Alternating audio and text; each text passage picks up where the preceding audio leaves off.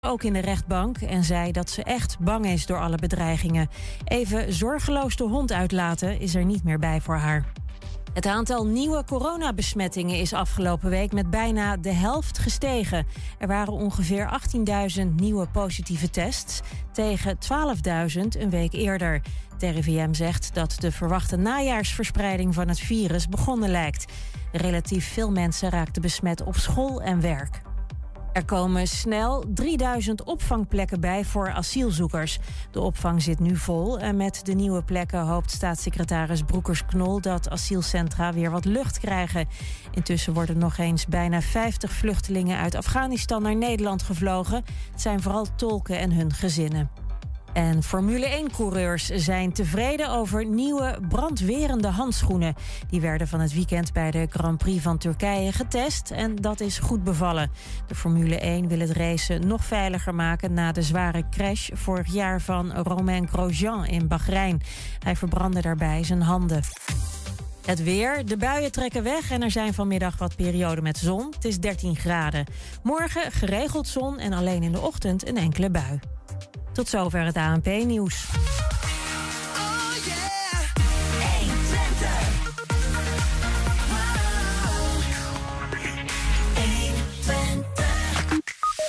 Vraag lijkt niet meer of Enschede vluchtelingen wil opvangen, maar vooral hoe dat zou moeten gebeuren. Sophie Reef is conservator bij OIVO in Hengelo en werd voor haar inzet geridderd met de Nijverbij. De eerste editie van een eendaagse landparty voor bedrijven en studenten in Enschede komt eraan aankomende vrijdag. En hoe is het nu met het afvaloverlast in Enschede? Een jaar nadat 120 wij en leden van het Enschede-akkoord met inwoners in gesprek gingen. Het is dinsdag 12 oktober. Dit is 120 vandaag.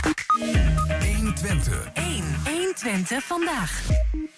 Ja, we beginnen bij een experiment in Enschede. Een verwendag, misschien wat voor jou Niels, voor vrouwen ook... die aankloppen bij de voedselbank. Waar ze normaal voorzien worden van eten en drinken... konden ze gisteren genieten van een knipbeurt. Massage, hè, om toch even in Jonas Sferen te blijven Niels... of yogales. En dat beviel goed. Oh, oh, Oh, er gaat oh. iets mis. Oh, ik denk dat... eh, Ik wou je onze net belachelijk gaan maken achter de schermen, maar dat Ik- kan nu even Ik niet. denk dat onze producer nog even in een yogales zit. Ja, ben je klaar? Oh, ja, Daar ik gaan we, klaar. Ga maar. naar de video. De video.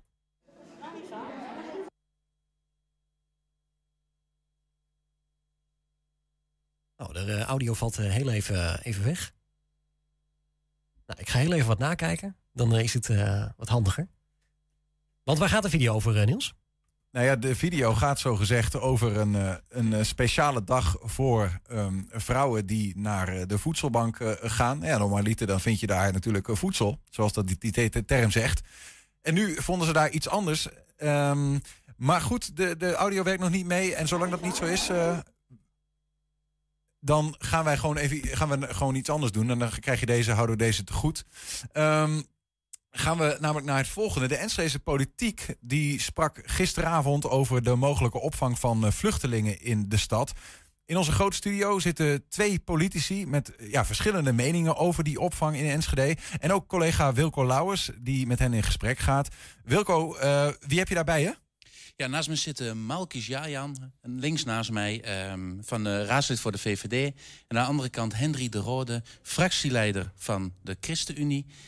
Ja, en zoals je zegt, Niels, gisteren ging het in stadhuis vooral over eh, vluchtelingenopvang. En met name de vraag: wil Enschede vluchtelingen opvangen? En ja, als we dat gaan doen, hoe dan? Als er een concrete vraag eh, natuurlijk van het COA komt, dat is het Centraal Orgaan Opvang Asielzoekers. En die, ja, die, die vragen gemeenten om ehm, vluchtelingen op te vangen, of ze dat willen en, en hoe. Malkies, om met jou te beginnen. Gisteren ehm, hebben jij en Burgerbelangen duidelijk standpunt verwoord... en met hele concrete randvoorwaarden voor vluchtelingenopvang in Enschede. Kun je dat uitleggen? Ja, wat wij vinden, kijk, wij moeten doen wat goed is voor onze inwoners. En we hebben in Enschede al heel veel gedaan als het gaat om opvang van vluchtelingen. Daarom zeggen wij nu geen AZC. eh, ook geen eh, brede vluchtelingenopvang. Er is één specifieke groep eh, die wij klein willen opvangen. Dat zijn mensen die het Nederlands leger direct hebben geholpen. Eh, en voor die mensen zeggen we maximaal 25, dus 25 tolken kunnen we in Enschede opvangen als die vraag komt. Maximaal 25. Dat is met familie of Dat is een totaal aantal. totaal aantal. Is dat niet wat karig? Nou, nee, want we vangen al heel veel mensen op in Enschede. We hebben relatief de meeste statushouders van heel Nederland in Enschede zitten. We hebben een opvang voor illegalen in Enschede zitten, ook al zijn we daar als VVD tegen. De gemeente voert gesprekken voor nog een illegale opvang. Zijn we ook tegen als VVD, maar we doen het wel. Dus we doen eigenlijk al heel veel. We zitten al op de max. Uh, en voor deze unieke groep zeggen we maken we een kleine uitzondering. Kan een kleine groep naar Enschede komen. Dat even voor nu. Um, Henry, um, jij had gisteren een vurig pleidooi. Maar wel met een iets andere uitkomst. Eigenlijk zeggen jullie zo snel mogelijk vluchtelingen opvangen. Ja, bied je aan. Waarom? Nou ja, um, als je even om je heen kijkt en luistert wat op dit moment gebeurt in de wereld. Uh, met name in Afghanistan, wat daar de afgelopen twee maanden gebeurd is... en wat dat het effect is hier in Nederland... dan zie je dat er hoge nood is. We hebben problemen in de noodopvang. Er komen veel Af Afghanen, doen een beroep op asiel hier in Nederland die moet je op een nette manier afhandelen. Ik ben het helemaal eens met, met, met Malkies. Met betrekking tot Afghanen in die zin van... dat is een hele bijzondere groep die ons geholpen heeft daar. Die kunnen we niet in de steek laten. Die moeten we echt opvang gaan bieden. Maar door die grote groep die eraan komt... naast de grote groep die we al hebben... van mensen die net zo goed een beroep doen op ons voor hulp... ook die in een kwetsbare positie zitten... die ook geen dak boven hun hoofd hebben... die geen fatsoenlijke matrassen onder hun, onder hun rug hebben... en geen fatsoenlijk eten op tafel... geen toekomst voor hun gezinnen... Ook die hebben onze hulp nodig. Dus daar zullen we met elkaar aan moeten werken. Die vraag komt. En die vraag vind ik, die moeten we gaan invullen. Ja, dat zullen we vanuit onze Enschedeze goede gedachten moeten gaan doen. Maar het moet niet in eerste instantie goed zijn van onze inwoners. Het gaat om deze mensen. En natuurlijk moeten we doen wat kan in deze stad. Ik hoorde je geen aantallen noemen gisteravond. Nee, dat, dat klopt. Ik vind het ook op dit moment niet zo relevant. Kijk, het zal niet om duizenden gaan. We praten hier over een hele specifieke groep in de noodopvang. We praten niet over de groep illegale, zeg maar, zoals we noemen in de bedbad-roodregeling. Dat praten heel andere zaken. We praten ook niet over structurele opvang in de vorm van een AZC. Het gaat echt even over noodopvang. Dan praat je over tientallen uh, misschien zullen het er honderden zijn enzovoort. Maar ik vind dat op dit moment minder relevant. Omdat je moet doen wat nodig is. Maar ook je zegt dat je een carte blanche geeft. Uh, nee, ik geef, ik geef geen carte blanche. Maar ik geef in, in die zin van, het gaat er, laat ze maar binnenkomen allemaal. Het gaat ermee om dat je die groep die onze hulp vraagt, die moet je helpen. En dan moet je niet zeggen op het moment dat nummer 31 aan de poort staat... of nummer 26, zoals uh, Malkies aangeeft... van joh, 25 hebben we er gehad. Ja, je bent nummer 26 helaas. Geen plek meer voor jou in deze herberg. Maar meneer De Rode, wat u zegt, voor mij maken die aantallen maken niet zo heel veel uit. En hoeveel het er ook zijn, dat, dat is niet relevant. Kunt u zich voorstellen dat het voor de inwoners in onze stad wel relevant is... of het er 500 zijn of 15? Ja, dat kan ik me heel goed voorstellen. Maar die, die discussie moet je ook niet op deze manier gaan voeren... want het gaat niet om 500. Ja, dat, is, dat is heel helder, daar zullen we het niet over hebben. Ook wij hebben gisteravond aangegeven, het gaat om kleinschalige opvang. En dan praat je inderdaad over tientallen enzovoort. Maar dan moet je niet plotsing naar 500 of 1000 gaan. Daar gaat het niet om. Maar zegt u hier aan toe dat voor wat de ChristenUnie betreft... zijn het er tientallen max, dus dat zijn er geen 100? Ik zeg niet dat het... Dan, ik bedoel, dat, ik vind dat onzinnig. Als het 99 zijn en we moeten er nog drie herbergen... en we kunnen dat doen, gaan we dat gewoon doen als dat nodig is. Maar het is wel kleinschalig. Het zijn tientallen naar mijn verwachting zoals het zal gaan. En het zullen echt geen honderden worden. Daar geloof ik helemaal niets van. U, u spreekt de verwachting uit. Hoe weet u dat zeker? Nou, omdat je weet wat er even, zeg maar, waar, de, waar de problematiek zijn, wat de getallen zijn waarover gesproken wordt. Je kunt ook even uitgaan hoe we dat met elkaar moeten gaan verdelen. Wat al verdeeld wordt ook. Hè. Het gaat om een extra stuk daarin.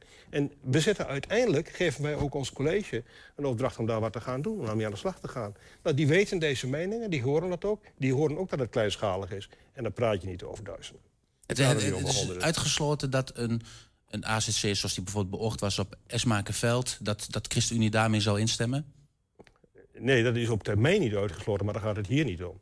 Het gaat hier om noodopvang voor een veel kleinere groep mensen... die ook voor een tijdelijke termijn is. En of dat termijn nou vijf maanden is, acht maanden... maar dat houdt een keer op. Dat is zeg maar maximale jaar, schat ik eventjes zitten. Maar ook dat zijn zaken. Ik laat het even graag aan onderhandelaar samen met de COA over... om dat goed uit te zoeken. Wat mij voorop staat, wat de ChristenUnie voorop staat... is dit is een groep mensen die nu een beroep op ons doet. Die hebben onze hulp nu nodig. En daar gaan we nu voor staan. En dan gaan we de randvoorwaarden, die vullen we in. We hebben ze meegegeven in de vorm van kleinschalig. Denk eraan, tijdelijk, denk eraan. En AZC's is nu niet aan de orde. Komt in, de, in een later stadium komt die discussie vast weer terug. En nogmaals, dit is ook in lijn met ons coalitieakkoord... wat we ook samen met de VVD besloten hebben. Daarbij, kijk even wat er in Den Haag gebeurt... waar mevrouw Broekers-Knol volledig aan deze knoppen zit ook te draaien. Het heeft een ah. punt. Het is in het coalitieakkoord afgesproken... dat NSG in principe opstaat voor vluchtelingenopvang als die vraag komt. Nee, in het coalitieakkoord staat dat als er een uh, vraag komt, dat wij dan uh, het over randvoorwaarden kunnen gaan hebben. Nou, ik hoor de heer De Rode hier eigenlijk bijna geen randvoorwaarden meegeven. Hij zegt ja, kleinschalig, maar ik sluit een AZC sluit ik eigenlijk ook niet uit. Uh, dan vervolgens wordt, wordt een Haagse discussie in Antje Broekers-Knol erbij gehaald. Ik bedoel, wij zitten hier als raadsleden in Enschede. Maar waar ik dan ook benieuwd naar ben, want de, de heer De Rode u heeft het over een moeilijke groep en een groep die we moeten opvangen. maar u heeft gisteren in het debat ook gezegd, ik ga niet kijken naar groepen. Dus als het asielzoekers uit veilige landen als Marokko, uh, Algerije zijn. Groepen waarvan we ook weten dat die uh, gemiddeld veel misdrijven plegen. Daar zeg ik ook geen nee tegen. Maar hoe, hoe verklaart u dat dan? Dat is toch geen groep die onze hulp nodig heeft? Ja, als, als die groep, zeg maar, ook daar mensen uit die landen komen, uit Syrië komen enzovoort. Dan komen natuurlijk ook nee, nee, nee, ik had het niet over ja, Syrië. Je, ik had het over landen als Marokko, Algerije, ja. de veilige landen. De, die de, veilige, veel... de mensen die hier in Nederland asiel komen vragen, aanvragen samen met de groep die nu uit Afghanistan komt... dat totaal zorgt voor een overbelasting van ons systeem. Daar zullen we met elkaar een oplossing voor moeten vinden. En dan helpt het niet alleen als we zeggen... we gaan die Afghanen wel op, opvang bieden... maar de rest gaan we geen opvang bieden. Je moet het totaal moet je gaan aanpakken. En dat zullen we met elkaar in Nederland moeten gaan doen. En met elkaar kun je hier een oplossing voor vinden. Maar vindt, u, vindt u dat niet te gemakkelijk? Dat u zegt van, nou ja, uh, um, de aantallen, dat, dat maakt me niet veel uit. Ik zet daar geen grens op. En waar ze vandaan komen, zet ik ook geen grens op. Dus eigenlijk zegt u, ja, als hier straks 500 mensen uit Marokko komen... om het systeem te ontlasten, uh, dan zij het zo. Uh, maar houdt u dan geen rekening met wat dat voor meebrengt aan risico's? Risico's op het gebied van veiligheid, leefbaarheid, wat het met de inwoners doet. U praat er wel heel makkelijk over, vind ik. Nee, ja, u, nou ja, u mag het vinden dat ik er makkelijk over praat. Maar ik, ik geef ook onze onderhandelaars, ons college, onze provincie, hè, zeg maar de regietaal waar plaatsvindt, die opdracht mee. En dat zullen ze ook gaan doen om te zorgen dat je een goede verdeling krijgt over het land. Maar dat betekent niet dat ik op voorhand ga zeggen van het mogen alleen maar 25 Afghanen zijn, zoals u zegt. Hè, of het mogen alleen maar Syriërs zijn. Of het mogen alleen maar Marokkanen zijn. Nee, we moeten hier een oplossing bieden. Samen met andere steden in Nederland, andere plekken waar opvang geboden wordt... om deze groep mensen die hier nu in Nederland aanklopt... om die samen een oplossing te gaan bieden. Om samen daar wat aan te gaan doen. En dan helpt het niet om, je, uh, om de regels te gaan stellen... die heel aardig lijken, maar die niet dienen tot een oplossing. Ik wil dat is wat u aan het doen bent. Even terugkomen gisteravond. Marcus, jij hield in je pleidooi... je begon eigenlijk van dat je ontzettend blij je bent dat je hier uh, de kans hebt gekregen. Je refereerde naar je ouders, die zijn gevlucht uit Syrië, hier gekomen. Uh, je hebt die kans gekregen hier. Gun je die anderen dan die kansen niet? Die, die, kansen gun ik anderen zeker. Dat hebben we ook in Enschede gedaan. We hebben hier uh, de meeste statushouders van heel Nederland. Uh, en daar zitten ook mensen tussen die ik persoonlijk ken... die een paar jaar geleden niets hadden... en die nu een opleiding hebben afgerond en een baan hebben gevonden. We zien ook dat in die groep statushouders... nu we daar als gemeente echt gericht en persoonsgericht uh, mee werken... dat steeds meer mensen uit die bijstand komen. En ik geef ook om die groep. En als we nu een hele grote groep erbij doen... en de heer De Rode die sluit dat niet uit... die zegt ja, als het er meer zijn, dan zijn het er meer... dan kunnen wij die groep die hier nu is... die nu al een paar jaar in Enschede probeert te integreren kunnen we niet helpen. Dus dat, dat is wat ik zeg. Toon ook barmhartigheid voor de mensen die in Enschede wonen. Dan bedoel ik dan de oorspronkelijke Enschede'ers... maar ook de statushouders die hier een paar jaar geleden naartoe zijn gekomen. Die, die, statushouders, dat zijn de, de vluchtelingen met een verblijfsvergunning inmiddels. Hè? Mm -hmm. Dat is ook een wettelijke taak om die elk jaar op te vangen. Dus eigenlijk doet Enschede wat, wat er van hun wordt gevraagd. Wij doen meer, uh, want er zijn uh, inderdaad staatshouders aan Enschede toegewezen... maar er zijn ook heel veel staatshouders aan andere gemeenten toegewezen... die naar Enschede zijn verhuisd... omdat er in Enschede een grote Syrische gemeenschap is. Uh, en dat, dat, dat is zo. Daar kan je van alles van vinden. Maar we hebben dus relatief de meeste in Enschede. Die vragen extra zorg. Ik vind dat wij die ook moeten geven. Dat doen wij ook. We begeleiden die mensen. Dat kan altijd beter, maar dat gaat ieder jaar weer iets beter. Maar dat kan alleen goed gaan. Je kan alleen een groep ook opnemen in je samenleving. Als je niet, voordat je die eerste groep goed hebt opgenomen in een samenleving... Uh, gelijk een uh, hele nieuwe grote groep erbij haalt. Als ik, als ik mag, uh, ja. Hugo, ik, ik, ik vind dat aardig wat je zegt. Je hebt volledig gelijk. Hè. We doen hier in Enschede echt een aantal dingen heel goed. En dat is heel mooi. Hè. Maar het toont ook aan dus dat wij het kunnen hier in Enschede. Hè. We hebben ook de krachten in onze, in onze gemeente hier zitten. En die zitten in mensen, hè, mensen in de hele stad, om dit te doen. Om dit aan te pakken, om dit op te pakken. Nou is er een groep hier in Nederland die onze hulp nodig heeft. Die klopt ook in Enschede op de deur Wij kunnen dat. Hè. We zouden bijna zeggen, we schaffen dat. Nou, dat vind ik even wat te ver gaan. Dat ga ik hier niet zeggen. Maar wij kunnen dat wel. We hebben het laten zien. En natuurlijk betekent dat niet van laten ze allemaal naar de Enschede komen. Want dat kunnen we niet aan. Maar wij kunnen wel onze verantwoordelijk nemen, onze verantwoordelijkheid nemen voor ook een groep. Hier opvang te bieden. En hier te gaan zeggen, wij gaan jullie nu weer helpen om te zorgen dat je weer enigszins het leven in kunt kijken met een open blik. Dat je weer toekomst kunt gaan zien voor jou en je kinderen. Want dat is mensen helpen. Ja, en dat is ook wat de VVD eh, zegt. We doen heel erg veel. We willen daar nog een klein stukje bij doen, maar wel beperkt. Eh, want heel veel andere gemeenten doen ook helemaal niks. Nou, wij doen veel meer dan, eh, dan gemiddeld. Daar willen we nog een klein stukje bij doen voor die groep die het Nederlands leger direct heeft geholpen. Eh, maar daar, we, we kunnen er niet nog honderden bij doen. Want dan verwaarlozen we ook eh, de groep die we eerder hebben opgevangen. En nogmaals, wij praten niet over honderden. We praten hier over een nodig van een aantal. Maar u wil het ook niet gaan toezeggen. Tientallen ik ga geen getal noemen. Hè, maar tientallen, we moeten reëel blijven. Hè. Deze discussie moet op de goede manier voeren. En wat mij betreft is het, geen, is geen spel over de rug van mensen die hier onze hulp nodig hebben. Daar moeten we reëel in zijn. En dan een aantal noemen klinkt heel, heel stoer. Maar het helpt de mensen niet. En ik zeg van joh, we gaan Het helpt de. Enschede'ers ook niet. Als wij over de rug van 155.000 mensen zeggen... eh, eh, de aantallen maken ons niet uit, er kunnen Ja, zoveel is- komen als, nee, nee, nee, als die willen. Dat helpt ook laten we niemand. de discussie zuiver houden. Ik zeg niet de aantallen maken niks uit. Zo van, nou, laat, zet alle sluizen maar open en laat alles binnenkomen. Dat is niet wat ik zeg. Waarom Wat geeft u nou geen wat duidelijke zeg- voorwaarden Wat mee? ik zeg is, ik ga geen specifiek aantal noemen. Want dat vind ik echt eventjes te gek voor woorden. Omdat we een probleem hebben... wat we echt met elkaar moeten oplossen hier in Nederland. Samen, hand in hand met andere Maar u wilt ook niet noemen geen veilige landers. U wilt ook niet noemen geen AZC. Wat wilt u dan wel noemen, meneer de Rode? AZC is niet aan de orde hier. Discussie blijven over de noodopvang. Daar hebben we het hier over. Het gaat Dus ermee de om ChristenUnie sluit een de AZC grote groep uit? Van mensen, de grote groep van mensen die nu aankloppen... die nu de problemen opleveren, de noodopvang in de zin van de grote overloop daarin... wordt gevormd door niet alleen maar de Afghanen. Dat is wel, zeg maar, door die aanloop erbij eh, loopt de emmer nu echt over.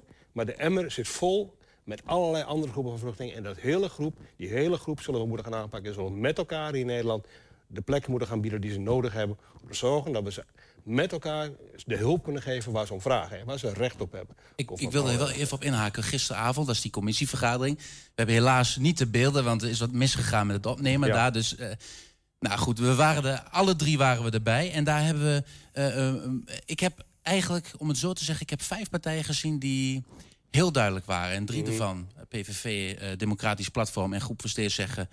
geen opvang, hè? Dat, is, dat is voor ons helemaal niet aan de orde. Nou, we hebben VVD en Burgerbelang die zeggen maximaal 25. En ik proef bij de rest ja, we willen opvangen, we willen een taak doen. Maar ik hoor geen concrete aantallen en niet hele concrete vormen. En ehm, ik denk dat, dat Iver Koch van CDA het misschien wel treffend zei... hebben we geleerd van het verleden. Ontstaat, bent u bijvoorbeeld niet bang dat er heel veel onrust ontstaat in de samenleving... op het moment dat je zegt, ja, we willen opvangen... maar we geven er niet al te veel handen en voeten aan? Nee, dat, kijk, dat, dat, dat discussies zullen elkaar komen, dat geloof ik zeker. Ik bedoel, zo zit onze samenleving tegenwoordig elkaar en dat mag ook. Daar kunnen we discussies over hebben. Tegelijkertijd moet je ook met elkaar beseffen... op het moment dat je zegt van ja, wij gaan hier hulp bieden... dan heb je nog maar een eerste stap gezet. Maar het is wel een eerste stap die je nu moet gaan zetten. Want het is een, echt een, probleem wat zich nu voordoet. Hè. Je kunt niet zeggen van we gaan eens een jaar lang met elkaar achter de tafel zitten... en breed communiceren enzovoort. Je moet nu ook gaan, hul- gaan hulp gaan bieden. Want over een jaar de situatie weer heel anders. Gaat om nu. Maar op het moment dat je die eerste stap zegt... we zijn in principe bereid om onze hand ook uit te steken... en onze verantwoordelijkheid te nemen zoals we ook in het coalitieakkoord hebben aangegeven... dan moet je vanaf dat moment ook volop gaan communiceren... en volop de mensen erbij gaan betrekken. Maar wel beseffen dat we onder tijdsdruk zitten. Want er is een noodsituatie die zich hier voordoet in Nederland. En daar moet je wel rekening mee houden. En dan... eh, dat, je, je, dit is geen, geen oefening, eh, een theoretische oefening van... Hey, hoe zullen we dit nu eens gaan doen? Maar het is om, echt om, een probleem om- zich op de lessen van AZCS maken veld hè, te hebben, een zorgvuldig proces. Ja. Op het moment dat je zegt, ehm, ja, het is een noodsituatie, we moeten snel handelen. Staat het een zorgvuldig proces dan niet in de weg? Nou, dat hoeft niet. Dat hoeft niet. Eh, het betekent wel dat je zegt, we moeten gaan communiceren. Tegelijkertijd moet je ook altijd weten, waar praat je hier over? En nogmaals, eh, het gaat niet over de bed wat broodregeling. Het gaat niet over een, zeg maar een langdurige AZC. Het gaat om een noodopvang, een tijdelijke situatie. Daar moet je wat gaan bieden. Wat ons betreft is het een kleinschalige opvang. Dan denken we aan tientallen max. Hè. Maar daar gaan we, daar in, die, in die orde van grootte moet je gaan denken. Eh, maar binnen die grenzen moet je volop gaan communiceren op het moment dat er steeds meer duidelijk wordt. Maar we zitten nog aan tafel met allerlei andere, andere groepen. We gaan naar de regietafels in, in, in Overijsselsverband met andere gemeenten zitten. Er zijn zoveel zaken die kunnen veranderen en die wellicht ook gaan veranderen allemaal. Aan de andere kant, Malkis, jullie uh, zeggen maximaal 25. Hoe eerlijk is dat verhaal? Ook naar de inwoners toe. Want uh, nou, we hebben wel een meerderheid gezien in de gemeenteraad die zegt te willen opvangen. En die zeggen, de meerderheid zegt niet maximaal 25. Nou ja, dat is wat de meerderheid vindt. Uh, ik denk dat wat wij vinden dat dat iets is wat door de meerderheid van uh, de inwoners gevonden wordt. Ook als je kijkt naar heel veel onderzoeken zie je dat er heel veel draagvlak is voor opvang voor mensen die het Nederlands leger geholpen hebben. Maar als het gaat om groepen en, en de heer De Rode zegt ook ja die wil ik niet uitsluiten. Bijvoorbeeld uh, asielzoekers uit Marokko, uit Algerije die eigenlijk asiel hoppen van land naar land in Europa en trammeland veroorzaken. Daarvoor vinden wij het heel fair om te zeggen die willen we hier niet in Enschede. We willen geen mensen hebben die door vijf, zes Europese landen en asielzoekers zijn geweest en overal verkeerde dingen doen, nadat die in onze stad komen. Daar zitten wij gewoon niet op te wachten. Als de meerderheid van de Raad er anders over denkt, dan is dat wat de meerderheid vindt. Maar dit is ons standpunt. Dus heel kort, als straks het COA komt, want dit wordt straks nog in de gemeenteraad besproken. Er gaat een brief uit naar de COA, wat de, uh, de centrale gaan opvang uh, asielzoekers. Wat wil uh, de gemeenteraad Enschede in principe doen? En dan komt het voorstel van het COA, we willen graag 100 vluchtelingen van uh, diverse afkomst uh, opvangen, dan zegt VVD zeker nee. Daar zijn wij op tegen. En ChristenUnie zegt dan ja? Ja, dat, ik, kijk, even, ik wil graag de argumentatie daarvan zien. Maar als het nodig is om een totale probleem wat we hier hebben... een totale probleem in de noodsituatie waar we nu in zitten... om die op te lossen, zullen we ook deze mensen ergens moeten oplossen. En dan is het heel gemakkelijk om te zeggen van... niet in Enschede, maar ergens anders, in onze buurgemeentes. En dat vind ik de korte de bocht. Ook wij willen onze verantwoordelijkheid nemen... om deze problemen op te lossen hier in Nederland. Maar meneer Terrell, u heeft net nog gezegd... we doen het kleinschalig. En dan komt twee minuten later de vraag... 100 mensen met asielzoekers uit allerlei landen... Uh, en dan zegt u, ja, ja, dan gaan we dat toch doen. Ik, heb, ik wil meneer, nog één keer laten reageren, want we moeten wel ja. afsluiten. Dus ja. u zegt net van, ja, niet, niet al te veel tientallen. tientallen. En nu is het 100. Ja, maar ik heb ook net gezegd, als nummer 99, als er 99 binnen zijn en 101 klopt aan de deur... dan zeggen we niet, uh, jongens, uh, we hebben onze 99 gehad. Dat vind ik niet verantwoordelijkheid nemen.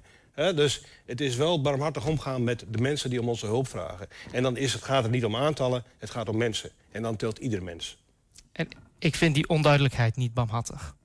Dat is duidelijk. Um, maar hier is ook zeker nog niet het laatste woord uh, over gesproken. Uh, binnenkort in de gemeenteraad gaat die discussie verder. Um, ik wil graag terug naar Niels in de studio. Dankjewel Wilco en ook uh, dank aan onze gasten daar. Je hoorde Malkus Jajan van de VVD en Henry de Rode van de ChristenUnie. Nee, Zometeen, hoe is het nu met de af, het afvaloverlast in Enschede? Een jaar nadat 120 wij en leden van het Enschede-akkoord met inwoners in gesprek gingen. 120. 120 vandaag. Afgelopen donderdag ging in Hengelo het nieuwe OIFO officieel open. We hebben er veel over gepraat. Een techniekmuseum, annex muziekschool, annex kunstenschool. Een van de drijvende krachten achter het Techniekmuseum is Sophie Reef. De 26-jarige conservator kreeg bij de opening het Hengeloze stadscompliment De Nijver bij uitgereikt. En Sophie is vanmiddag bij ons. Welkom. Dankjewel. Uh, kende jij die onderscheiding De Nijver bij? Um, eerlijk gezegd niet.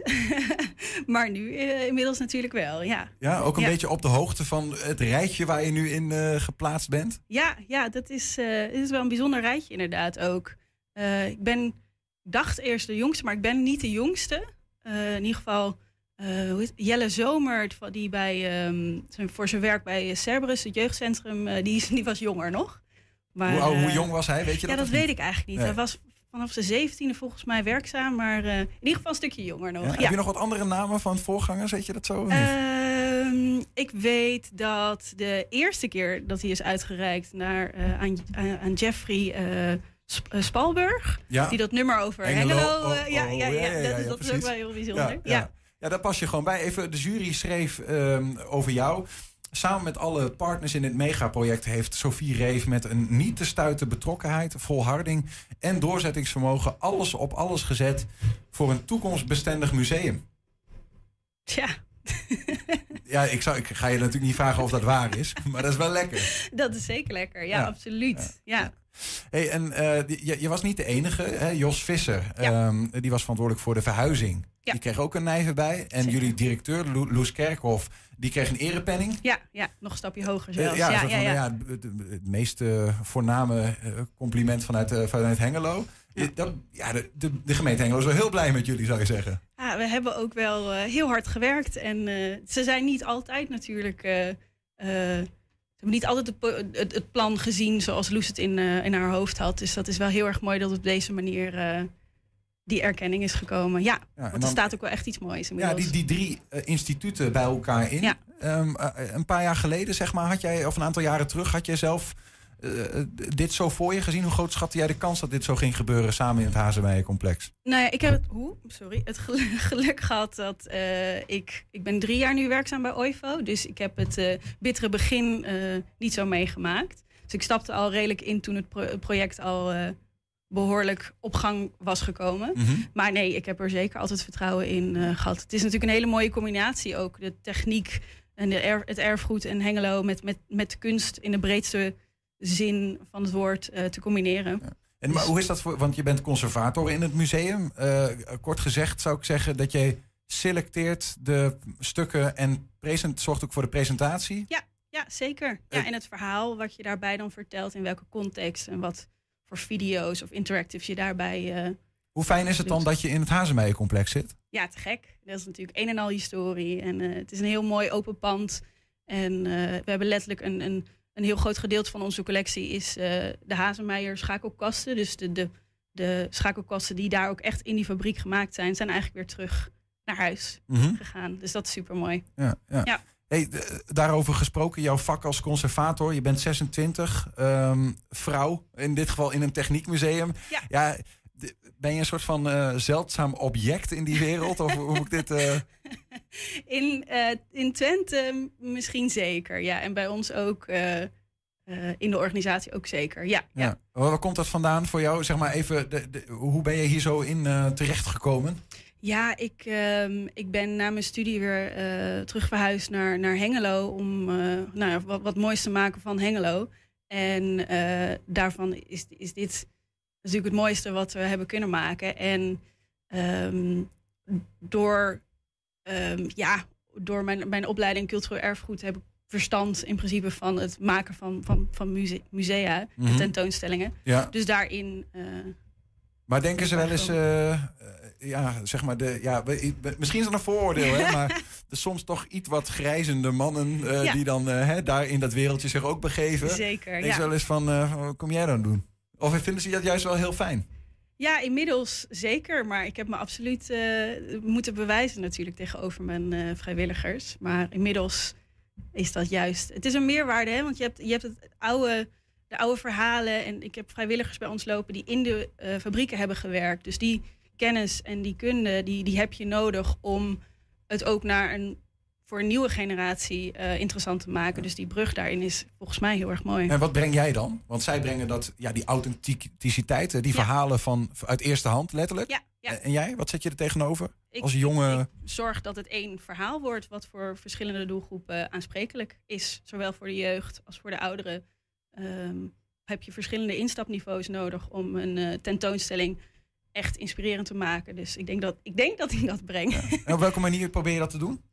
Eh, nou, we hebben verschillende eh, manieren om dat bij OIVO te doen. We hebben ehm, voor, de, voor de jeugd veel doedingen, veel, veel workshops en, en, en interactives... waarbij je als kinderen...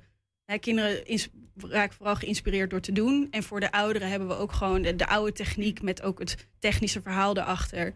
Dus je hebt voor iedereen wat wil. Dus als je met je hele familie gaat, is het voor opa net zo leuk als voor het kleinkind. En leren ze ook weer van elkaar. Dus dat is eh, wel Zie- heel maar is het ook, want, want eh, daar, jij zit dan, ja, die, daar, twee werelden raken elkaar, zeg maar. Jij als jong mens in deze wereld met eh, nou ja, verstand van wat jonge mensen eh, mooi vinden, maar misschien ook wel van wat meer de jongere technieken en, eh, en de heren die misschien zelfs nog in Hazemeijer hebben gewerkt voor Hazemeijer. Ehm, ehm, eh, ontstaan daar wel eens interessante interacties dat ze zeggen van wow, zo heb ik het nog nooit gezien of zo heb ik het... eh, Ja, absoluut. We hadden natuurlijk ehm, voorheen in ons het, voormalige Techniekmuseum Heim een behoorlijk ehm, chronologische verhaallijn. Dus vooral vanuit de historie. Dus beginnen bij de textiel en eindigen bij de, de radartechnieken van Thales. Mhm. En nu zijn, is het ook wel thematisch. Dus er zijn ook wel combinaties gemaakt die voor de ehm, mensen die de objecten zien als gebruiksvoorwerpen wat, wat, wat anders zijn. En je ziet het heel leuk. We hebben dus wat nieuwe technieken in het museum. We hebben een spel waarbij je ehm, met- je handen met een sensor eh, dingen moet bouwen. En dat is voor kinderen, nou, dat pakken ze direct op. En de wat ouderen, zelfs voor mij, is dat gewoon ontzettend ingewikkeld. En dan zie je die kinderen, zie je dat die ouders leren. En ja, dat is super. Ja, ja, Dus- lijkt me een mooie, mooie interactie Ja. inderdaad. Ja. Ja. Ehm, eh, je- het is ook niet eh, onopgemerkt, hè, want eh, ook even een ander dingetje uit, die, uit het juryrapport van die Nijven bij over jou. Reef, dat ben jij, presenteert de zo onontbeerlijke verjonging en vernieuwing in de erfgoedsector. Jong talent waar Hengelo eh, trots op is. Ja. Nou ja, want zeg maar, hoe, eh, hoe schat je dat in? Zeg maar, die, erfgoed eh, moet verteld blijven worden. Maar ja, goed, op een gegeven moment, als daar mensen die alleen dat erfgoed kennen, eh, dat blijven vertellen, ja, dan gaat het op een gegeven moment met die mensen een keer ten onder. Absoluut. Ja. Zie je daar ook echt een soort van verantwoordelijkheid dan als in, jouw, in jouw vakgebied? Hoe- Ja, zeker. Nou, ik zie gewoon vooral als Hengelo de verantwoordelijkheid om, ehm, om, om, om iets moois te maken van die stad. Omdat er, nou, er heerst ook wel inderdaad een wat oudere denkpatroon of wat negativiteit over het algemeen in de culturele sector. Mhm. Ehm, en om inderdaad jongeren, ik bedoel, je hebt ROC's die dagelijks eh, komen er zoveel jongeren naar Hengelo om wel inderdaad die verbinding met die stad te houden. Ja, dat is heel belangrijk. Maar het is ook wel, het is ook wel heel erg lastig. Waarom is dat belangrijk? Eh, omdat je anders uiteindelijk eh, behoorlijke vergrijzing wel hebt. Ook natuurlijk in zo'n stad als Hengelo. Mhm. Ehm, terwijl Maar waarom is dat? Want dat, dat erfgoed, dat, dat Ja. moeten we blijkbaar ehm, ja, in ons opnemen, ook als jonge mensen. ja, Wa- wa- waarom? eh, Kun je niet gewoon zeggen van we bouwen een nieuw Hengelo? Hups, alles de deur uit. Het, het zou ook kunnen. Weet je, erfgoed is natuurlijk wat, je, ehm, wat, wat, wat de mensen op dat moment aan waarde geeft. Dus als het op een gegeven moment niet meer het oude verhaal van Stork en Hazemeijer is, wat heel jammer zou zijn natuurlijk, want het is het ontstaan van Hengelo. Maar als het meer gaat over nieuwe, voor de high-tech in Enschede en dat soort dingen, dan is dat op een gegeven moment erfgoed. Erfgoed is niet een vaststaand eh, ding wat alleen maar gaat over historie. Mhm, mhm. In ieder geval voor mij dan, ja. Nee, dat snap ik. Maar wat zou voor jou jouw ultieme doel zijn als, eh, als conservator van het museum in dit geval en op dat vlak? o- eh, op dit moment voor OIFO om eh, het niveau wat we nu hebben weer neergezet, om dat te waarborgen en echt nou, de broedplaats te zijn eh, voor Hengelo en voor de regio eh, die we beogen. Dat is wel echt, en dat heeft alle mogelijkheid om dat te worden. Ander dingetje nog, je woont in de Vondelstraat. Ja. Toch? Ja, heel specifieke informatie hier ineens. ja, ja, ja, dat zeg ik niet voor niks. We- ja, tenzij, eh, nee, ik wou daar ook niks mee zeggen. Maar ik kan me voorstellen dat het wat creepy overkomt. Ja. Ehm, nee, ik wil eigenlijk een bruggetje maken naar een, de bibliotheek die daar staat. Of althans, dat was ooit de, Storkbibliotheek. Dat is natuurlijk ook Engeloos erfgoed. Mhm. Dat is nogal omstreden. Ken je dat verhaal, wat er, wat er speelt? Tot op zekere hoogte, Ja, ja. dus hè, het was een Storkbibliotheek ge- ge- geschonken door Stork aan de inwoners van Hengelo. En nu eh, komt daar, hè, dat is uiteindelijk eh, was, eh, door de gemeente is dat weer in de verkoop gezet. En dat is nu geschonken aan een partij die daar appartementen in wil bouwen. En er zijn heel veel Hengelo's die zeggen, joh, dit is gewoon van, dit is gegeven aan de stad. Dus laat het ook openbaar voor de mensen. Hè, maak er een openbare bestemming in. Bijvoorbeeld eh Kamak, de, de jeugdtheatergroep. wat meer open karakter in plaats van voor een projectontwikkelaar. Heb je daar een mening over? Ehm, dat is, vind ik, best wel lastig. eh, omdat je ook vanuit een erfgoed eh, gedachte heb ik een andere mening. Misschien dan wel als, als inwoner van de Vondelstraat. Ehm, tuurlijk een kamak, dat was voorheen onze eh, buren van het voormalige CREA en Techniekmuseum Heim. Dus dat zou heel leuk zijn. Maar ja, we zitten ook in een periode waarbij het ook gewoon wel heel erg lastig is met de woningmarkt. En ehm, leegstaande panden zijn, dat is niet altijd, of is het slechtste voor een pand wat, je, wat er kan. Ehm, dus ik, ik, vind, ik vind het heel lastig eigenlijk. ja, ja, ik, als zolang het. ehm, zo, de, de waar, hoe zeg je dat? Het verhaal van het pand blijft bestaan. vind ik het eigenlijk het belangrijkste. Dan kan zelfs het doel eh, de middelen heiligen in dit geval. Ja, ik ben niet helemaal voor, ben niet helemaal tegen. Nee, het is een nee. beetje, ja. Ehm, tot slot dan, is het nou eh, met jouw conservatorschap in die... Want ja, die transitie is klaar, of jullie zitten er nu, het is geopend. eh, Allemaal in het Hazemeijencomplex met OIVO. Ja, wat is, jouw is jouw werk nu, wordt het nu een stuk minder? Ben je 80 uur per week bezig geweest en wordt het nu 20? Of hoe moet ik dat zien? Nou, ik ga in ieder geval wel niet meer inderdaad die 80 uren maken. Maar er is nog steeds superveel werk te doen. Omdat we gewoon, ja, dit is het beginpunt. We hebben iets neergezet. En dit moet voor de komende nou ja, honderden jaren moet dit eh, gewoon een super tof museum blijven. En daarvoor moet je bijblijven en nieuwe dingen toevoegen. En eh, tentoonstellingen maken, programmering doen die aansluit bij de hedendaagse ontwikkelingen en de toekomstige ont- ont- ontwikkelingen van techniek. Dus nee, ik blijf eh, behoorlijk druk. Conserveren. Ja, Ja, ja, precies. Sophie Reef, dankjewel voor je komst en veel plezier in het museum. Of in, in, het- ja, in het Techniekmuseum. Dankjewel. Zometeen praten we over een nieuw en volgens de organisator broodnodig gamingfestival in Twente. 120. 1. 120 vandaag. We gaan praten over afvaloverlast in Enschede. Wat zijn nou de problemen? Wat moeten we doen om die op te lossen? Het is een jaar geleden dat 120 samen met leden van het Enschede-akkoord de wijken inging om daar een antwoord op te krijgen. Zometeen steken we de thermometer in de wijk De Bothoven. Hoe is het daar nu eigenlijk? Eerst even terug naar die wijk. Want daar gingen we een jaar geleden ook naartoe om daar met de mensen in gesprek te gaan. We hebben daar eh, Wat beelden wat bij. beelden van. Terug een jaar geleden naar De Bothoven. 120 is al samen met het Enschede-akkoord een paar weken aan de slag... om te kijken wat er in de wijken van Enschede aan de hand is met betrekking tot afval. We zijn vandaag in de eh Tusveldburg. Enschede-akkoord, een lid van de Enschede-akkoord is ook aanwezig. Dat is Sarah Nijhuis. Eh, we hebben drie bewoners bereid gevonden om met ons te praten... over wat er hier in de, eh, nou, in de straat en in de buurt aan de hand is. En we hebben dan eh, Sylvia Wolbink. Dat ben jij. Danielle de Vries. En even weer, weer spieken. Stephanie Damhuis. Aan die kant. Ik heb begrepen dat jij daar wat aan probeert te doen. Ik heb met Domein en Twente Milieu een overlegje gehad. En die hebben mij gezegd van, goh, als je bewijzen hebt, dan stuur ze maar door. En dan kunnen wij daar boetes gaan opleggen. Eh, bij Domein word je naar Twente Milieu gestuurd. Van Twente Milieu word je weer naar de Milieupolitie gestuurd.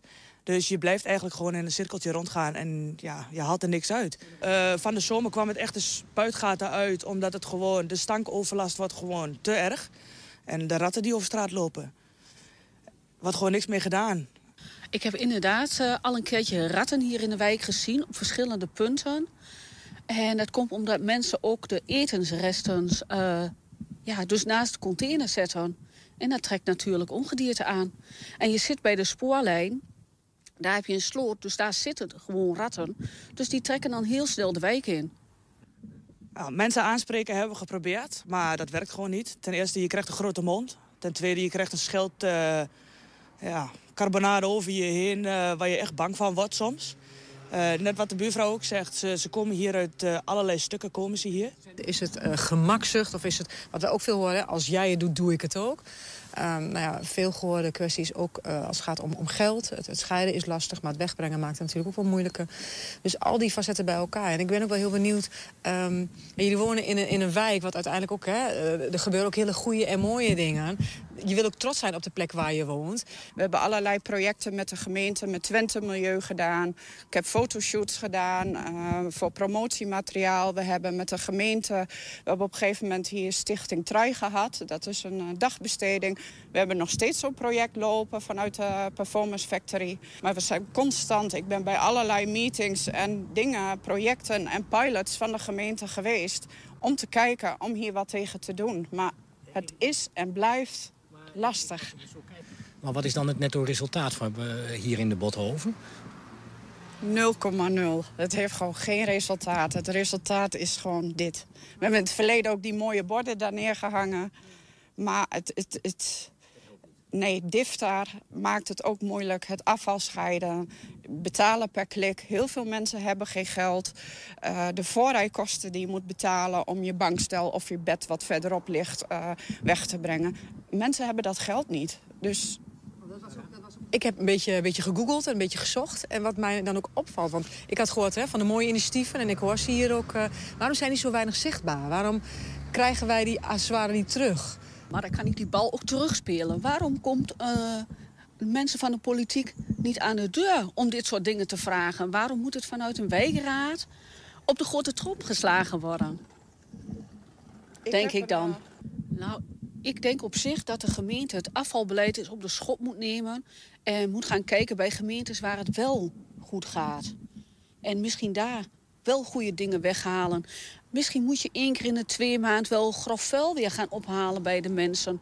Zodat ze het niet, zoals de, de eh, bank die daar om de hoek staat, dat dat niet gedumpt wordt.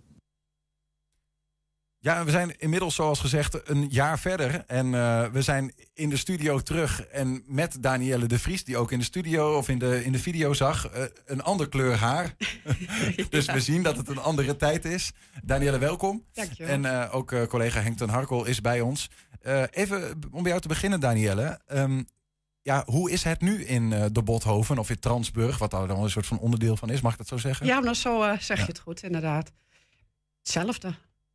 Het is echt niet beter geworden. Oké, okay, we hadden exact dezelfde video uh, toen ook, uh, nu ook kunnen maken. Ja, ja, misschien nog wel erger. Want ik merk nu ook dat steeds in, in, uh, in de steegjes of dat soort dingen ook steeds meer troep en afval komt te liggen. Het is niet alleen meer rondom het pleintje? Nee, het is ook echt in de steegjes of in de hoekjes, in de nisjes. Okay. Waar ook troep ligt en ook lang blijft liggen. Ja. Ergernis? Ja, voor jou, in welke categorie zit die? Is het een van de grootste? Ja, daarom heb ik me destijds ook hard voor gemaakt. Want dat vind ik een van de grootste ergernissen. Waarom? Uh, uh, het is troep, het is, het is smeer, je hebt ratten, het is overlast. Uh, nu ligt er bijvoorbeeld ook heel veel glas. Dus je moet met je hondje oppassen waar je loopt. Het is... En hoe leeft dat? Hoe leeft dat? Ik weet, trouwens, ik weet niet zeker, ben je nog steeds voorzitter van de wijkraad? Nee. Nee, dat nee. niet meer. Maar weet je een beetje wat er leeft in de wijk? Hoe, hoe, voel, hoe wordt dat gevoeld verder? ja, nog steeds hetzelfde. Mensen vinden het nog steeds verschrikkelijk en irriteren zich daaraan. En ik word nog steeds wel aangesproken door mensen van... hé, hey, je zit toch in de wijkraad? Hoe zit dat met het afval? Uh, en zeg je blijft ook, uh, ik zeg, ja, nee, ik zit in ondertussen niet meer in de wijkraad... maar ik deel je mening, ik voel hetzelfde. En ik sta nog altijd open bij de, uh, voor de gemeente. Heb ik ook altijd gezegd van als ik nog kan helpen of ondersteunen of meedenken... je weet me te vinden. Heb je het gevoel dat er wat aan gebeurt dan? Nee, nee, eigenlijk niet. Dit, uh, ik vind die projecten allemaal hartstikke leuk. En ik heb er met heel veel liefde en heel veel energie aan meegewerkt. Maar ik zie geen verschil, ik zie geen verandering. En dat vind ik gewoon erg jammer. Misschien in andere delen van de wijk wel. Ik kan alleen maar oordelen over de Bothoven. Ja, we, we zijn maar... daar geweest bij jou, dus, ja. dus we hebben het over die wijk. Ja, dus dat is nog steeds... Er, er zit geen verschil in. Ja, nou dat is wel bijzonder. Nou ja, Henk, de, want je bent er druk mee geweest. Hè, sa ja. Om samen met commissieleden van Enschede Akkoord, zeg maar Ja. 13 uh, raadsleden uit Enschede, uit elke fractie iemand. Ja. Uh, die dan even zeg maar als Enschedeer met de Enschede's in gesprek ging om te horen over die thema's. Dat was het doel. En uh, ze hadden, um, het Enschede-akkoord had tien thema's uitgekozen. En we hebben uit die tien er weer eentje gekozen die het meest voor de hand lag. Dat, dat ging over afval, zwerfafval. En um, daar hebben we, nou, ik denk wel een half jaar door de stad meegetoerd met dat onderwerp. Mm -hmm. En aan allerlei mensen gevraagd van, uh, nou, hoe is, hoe is het bij jullie in de wijk? En wat heb je er zelf aan gedaan? En wat is, uh, hoe is het met die troep? En hoe, hoe ontstaat die troep? En wat zijn oplossingen? Nou, we, we hebben echt alle gespreksthema's daarover hebben we zo'n beetje gehad. Je, hebt daar een, een, rapport uiteindelijk van ja. gemaakt. Ja. En een soort van, je bent teruggegaan naar concrete dingen die je hebt gevonden en een soort van aanbevelingen. Ja. Die heb je al bij het college neergelegd. Daar is ook al een soort van ja, antwoord op uh, gekomen. Ja. Um, maar je hebt gisteravond ook weer met politici aan tafel gezeten. Uh, in, in, principe was dit de totale afronding van het project. We hebben uh, met politici en met bewoners die dat leuk vonden, die, die waren ook, uh, hebben gepraat heb ik een presentatie gegeven over wat wij opgehaald hebben in die wijken. En hoe de Enschedeërs die wij gesproken hebben, hoe die over het afvalprobleem denken. Mm -hmm. En dat, um, ja, we hebben, wat we hebben wat conclusies getrokken, we hebben wat aanbevelingen gedaan. En gezegd van, um, nou, wat mij betreft is de belangrijkste aanbeveling geweest van, uh, niet heel Enschede baggert rond in de troepen. Het is, het is een wijkprobleem. In sommige wijken, meest de volkswijken, moet ik zeggen, hebben grote problemen met de aan- en afvoer van afval. En dat concentreert zich rondom die ondergrondse containers. eh, conclusie, een van de conclusies is die ondergrondse containers. Nou, daar is het allemaal zo'n beetje mee begonnen. Die zijn extra aantrekkelijk om zakken bij te zetten, om afval rondomheen te verzamelen, om troep bij- te verzamelen. Dat onderschrijf je ook, eh, Danielle. Ja, ja. Het is Kan ik vooral, alleen maar beamen. Ja, daar gaat het mis. ja. Maar er zijn er nogal wat bijgekomen hè, sinds dat DIFTAR is ingevoerd. Dus eh, overal in, nou laten we zeggen, toch in de buurt van hoogbouw of in de buurt van eh, eh, woningen met verdiepingen zijn die, ehm, zijn die ondergrondse containers gekomen. En het gekke is dat bewoners die zeiden dus allemaal en masse, de troep is echt ontstaan rond 2017 en toen kregen we de invoering van DIFTAR. Nou, dat onderschrijft ook iedereen. En talloze bewoners daarover gesproken. En die zeiden, nou, hadden we maar die tijd terug van voor 2017. Want toen hadden we echt aanwijsbaar minder troep. Was dat ook de uitkomst van het Enschede-akkoord dan? Dat Nou, je gewoon zegt, eh, dat hele DIFTAR-verhaal... eh, Nee, het, het, het- het aardig is, het gaat niet over DIFTAR, want ik heb ook wel even wat verder gekeken voor de bewoners. Als je in heel Nederland bekijkt, dan is er ook op de plekken waar DIFTAR niet is ingevoerd, maar wel de ondergrondse containers hebben dezelfde problemen. Oh ja. Dus ja. het ligt niet per se aan DIFTAR. Het ligt zoals we het eh, eh, uit, de, uit, de, ehm, uit de monden van de bewoners hoorden. Het, het zou kunnen liggen, ik laat ik voorzichtig zijn, aan eh, de ondergrondse containers en hoe die eruit zien. Oké, dus ik hoor je eigenlijk nu tot nu toe twee dingen zeggen. Eén is, de wijken verschillen. In de ene wijk is er wel afvaloverlast, in de andere niet. Nee. Ehm, dus je moet per wijk kijken wat je doet. Ja, dus en de ondergrondse containers spelen, spelen een grote rol. Zijn Ja. er nog meer dingen die dan zijn besproken met de politici? Ja, kijk, ehm, in de bolhaar ehm, vind je geen troep, nauwelijks.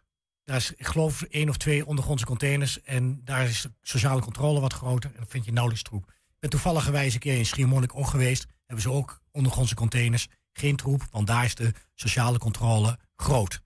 Dus op plekken waar sociale controle is, Mhm. is er minder troep. Eh, nog een observatie, wat ook eigenlijk iedereen onderschrijft. Op plekken waar mensen met wat minder inkomen eh, rondlopen. En wat minder zou best kunnen zijn dat je zegt van nou die kunnen met moeite rondkomen. Op die plekken is de troep het grootst.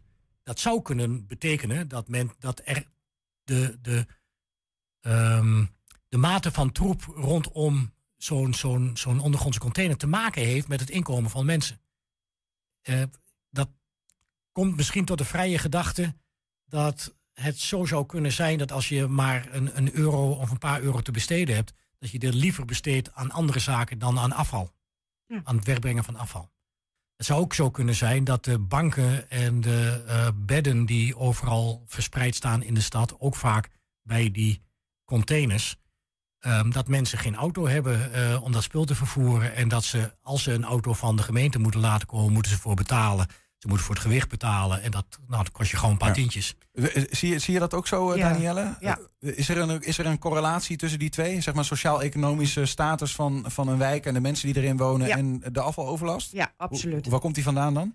Ja, ik, ik, ik, zie, ik zie en ervaar dat ook zo. Uh, hè, Schiermonnik ook een mooi voorbeeld. Ik zie het ook als ik bijvoorbeeld eh, in Friesland bij mijn ouders ben. Daar is meer die sociale controle, eh, wordt meer op elkaar gelet. eh, en zoals bij mij in de Bothoven of in Transburg is wat meer armoede. Mhm. Dus ik snap dat die laatste paar euro's liever naar een boterham gaan dan een afvalzak weggooien. Ja. En er staat al zoveel naast. Dus het is zo makkelijk van zet het er maar naast. En inderdaad dat bankstel afvoeren. Hoe dan? Als je geen auto hebt, of misschien kun je een auto eh, lenen, heb je nog een aanhanger nodig. Moet je misschien ook weer huren. En anders die voorrijkosten. Het, het is voor de mensen ook gewoon zo'n manier niet te doen. Ja. En dan, maar dat- we moeten ook eh, op een gegeven moment, ja, we, we constateren een probleem en we proberen een beetje te prikken naar waar, waar zit die dan. Ja. Maar dat, jij hebt ook nagedacht, neem ik aan, met politici over mogelijke oplossingen, toch Henk? Ja. Ehm, nou, e- e- één oplossing is volgens mij dat je per wijk moet bekijken. Dus echt maatwerk toepassen in een wijk. Je moet naar de Bothoven, naar waar Danielle woont. En dat probleem in kaart brengen. En daar heb je een specifieke oplossing voor die wijk nodig. Eh, je kunt niet een generale maatregel over heel Enschede uitspreiden. en Zeggen, zo gaan we het oplossen met elkaar. Want in sommige wijken speelt het helemaal niet. In andere wijken speelt het heel erg. En wat zou er moeten gebeuren dan in Danielles wijk? Dat weet ik niet. Dat, zou je, dat weet ik dus niet. Misschien dat Danielle een oplossing heeft. Want jij hebt al zoveel geprobeerd. Ja, ontzettend veel. En ehm, ik weet dat het moeilijk is, maar inderdaad een stukje maatwerk. Bekijk het per wijk. Van wat is nodig? Sommige wijken heb je misschien wel wat meer inzet van bewoners die nog wat projectmatig willen doen. Uh, maar, zoals gewoon prikken, alles wat ernaast ligt erop opruimen of zo? Ja, bijvoorbeeld. Ik weet dat in de Bothoven dat wij wel prikkers hebben. Die twee dagdelen in de week. Uh, Voelt ook als dweilen met de kraan open. Ja, want het komt er net zo hard. Juist. Op, hè, op de maandagmorgen bijvoorbeeld staat alles er net zo hard weer. Hebben we ook meer structurele oplossingen? Ja. Heb je daar wel zo, zeg maar, hebben we daar een idee bij? Nou, ik, ik denk dat we van dat kliksysteem uh, uh, af moeten. dat je per zak moet betalen. wat in de Bothoven in ieder geval ook eigenlijk wel een verschrikking is. Op de ene punt kun je je grijze afval weggooien. Mhm. Helemaal aan de andere kant kun je misschien je papier weg. En in het winkelcentrum kun je je glas weggooien. Ja.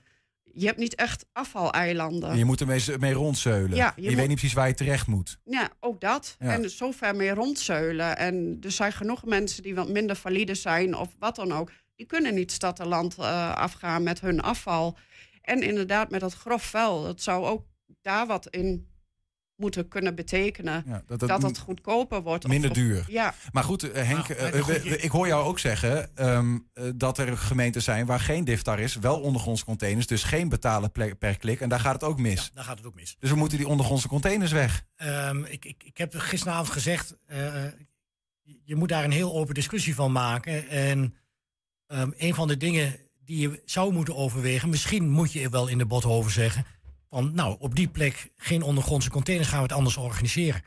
Ehm, maar je zou ook moeten, misschien moet je wel zeggen, maar dat, dat, dat is nou juist de aanpak die je per wijk moet hebben. Misschien moet je daar wel een camera op zetten. Ja, of iets dergelijks. Dus eigenlijk de uitkomst is, eh, ga nou eens onderzoeken per wijk, wat is er nodig? Eh, welke middelen moeten we inzetten? Precies. Of weghalen misschien wel Ja. om het probleem op te lossen. Ja, en er zijn wijken waar wel een oplossing, of waar een deel van een oplossing is gevonden. En daar heb je wel, het is dweilen met de kraan open. Maar er zijn overal in de stad groepjes mensen die met grijpers en prikkers rondzeulen met zakken en hun één keer per week de hele wijk van troep ontdoen. Mhm. Ehm, nou, die worden nauwelijks geholpen door de gemeente. Ik, ik ken een groep, die moesten eigen hesjes betalen. Die, eh, nou ja, die hebben hemel en aarde bewogen om aan die grijpers te komen. En het was aan het doorzettingsvermogen van die mensen zelf te danken... dat ze aan die grijpers kwamen en dat ze aan die hesjes kwamen... en dat ze aan de zakken, Zakken kwamen. Omdat de gemeente, ja, probeer maar eens iemand te vinden... die daarover gaat binnen de gemeentelijke eh, eh, structuren. Die vind je niet. En dus moet je hemel en aarde bewegen om dat voor elkaar te krijgen. Dus is ook een aanbeveling van zorg er nou voor dat mensen die iets met afval hebben op één plek kunnen zeggen: dit hebben we nodig, kunnen we dit voor elkaar krijgen? Dat, dat de communicatie daarover gewoon heel erg goed is. Duidelijk. Nou, en dan is er nog een project in Richtersbleek waar kinderen zakgeld kunnen verdienen. Laatste Door- dingetje, Henk. Ja, door een, wijk, eh, door een wijk op te ruimen. Nou, ook dat verdient navolging, voor mijn gevoel. Danielle, slotwoord is aan jou. En de vraag is, heb je er eigenlijk nog wel vertrouwen in? politiek correct antwoord of een eerlijk antwoord? Ik wil gewoon Danielle de Vries horen. Nee, weinig. Ik hoop wel. Ik hoop nog steeds op. Hoop doet leven, dus dat ja, scheelt. Ja, maar het vertrouwen wordt wel steeds minder. Ik ben er al zo lang mee bezig. Ja. ja, maar met die vertrouwen gaat misschien ook wel de vechtlust een beetje dan toch? Voor, eh, Normaal gesproken wel, maar ik maar ben wel niet, bent niet zo goed verkleid te krijgen. Nou, dat is mooi om te horen. Hey, dankjewel voor je komst. Heel graag En eh, Henk ook dank voor eh, de duiding. Graag gedaan. Heb je een tip voor de redactie? Laat het ons weten. Mail ons even info apenstaartje 120.nl. 120. 120 vandaag. Zondagmiddag strijdt FC Twente in de Grolsvesten weer voor de punten. Maar aanstaande vrijdag is het stadion eerst het decor van een hele andere wedstrijd. Dan worden de virtuele degens gekruist tijdens Weerwar Gaming Festival Twente. Een soort eh, eendaagse landparty voor bedrijven, van, eh, bedrijven en studenten. En de man achter dat event die is bij ons, Jas- Jasper Ipskamp. Eh, goedemiddag Jasper. Goedemiddag. Ik, ik heb begrepen dat jullie zeggen het is een nieuw concept. Eh, tegelijkertijd, eh, ik weet wat een LAN-party is en ik heb dat ook wel eens gezien. Ehm, wat is er precies nieuw aan dit concept? Nou, het nieuwe, het, het is inderdaad een bestaand concept. Zeker vroeger werd het veel gespeeld. Toen er nog niet een actieve, snelle internetverbinding was. Was er niks liever dan dat vrienden eh, een computer bij elkaar brachten en die gingen met elkaar gamen. Op een zolder of een gymlokaal. En dat is door de tijd van internet is dat minder geworden. Iedereen zit op eigen thuis. En het doel is eh, van Verwaar dat wij dat concept weer tot leven brengen. En dan gericht op eh, bedrijven en studenten in eh, de regio. Want even, ik, ik sla wel een beetje aan op wat je. Ik heb een aantal vrienden die, dat, die houden van gamen. En die komen af en toe bij elkaar en dan gaan ze gamen. Dat is op zichzelf. Maar vroeger had je inderdaad ook die enorme fabriekshallen. Met, weet je wel, wel duizend mensen. Ja. Die dan een paar nachten lang met Red Bull, zeg maar. Ja. is het, moet ik zoiets meer voor me zien? Echt een groot. Ja, dat is het eigenlijk. Eh, dus een, een deel van Wirwaar is dus die LAN-party. Dus het idee is dat bedrijven eh, als een soort bedrijfsfeestje... of eh, studenten met een computer aankomen en die plaatsen bij elkaar... en dan kunnen ze tegen elkaar gamen. Mhm. Alle populaire toernooien zullen er zijn. Er zijn veel bedrijven die hebben tijdens corona veel gegamed... maar allemaal afstand van elkaar. En wij willen mensen weer bij elkaar brengen. Ja, En is- dat, dat concept van, van de grootschalige landparty, dat, dat zie je bij dus bijna niet meer. Eh, nou, dus een gedeelte van Wirwaren is dus die LAN-party. Ja.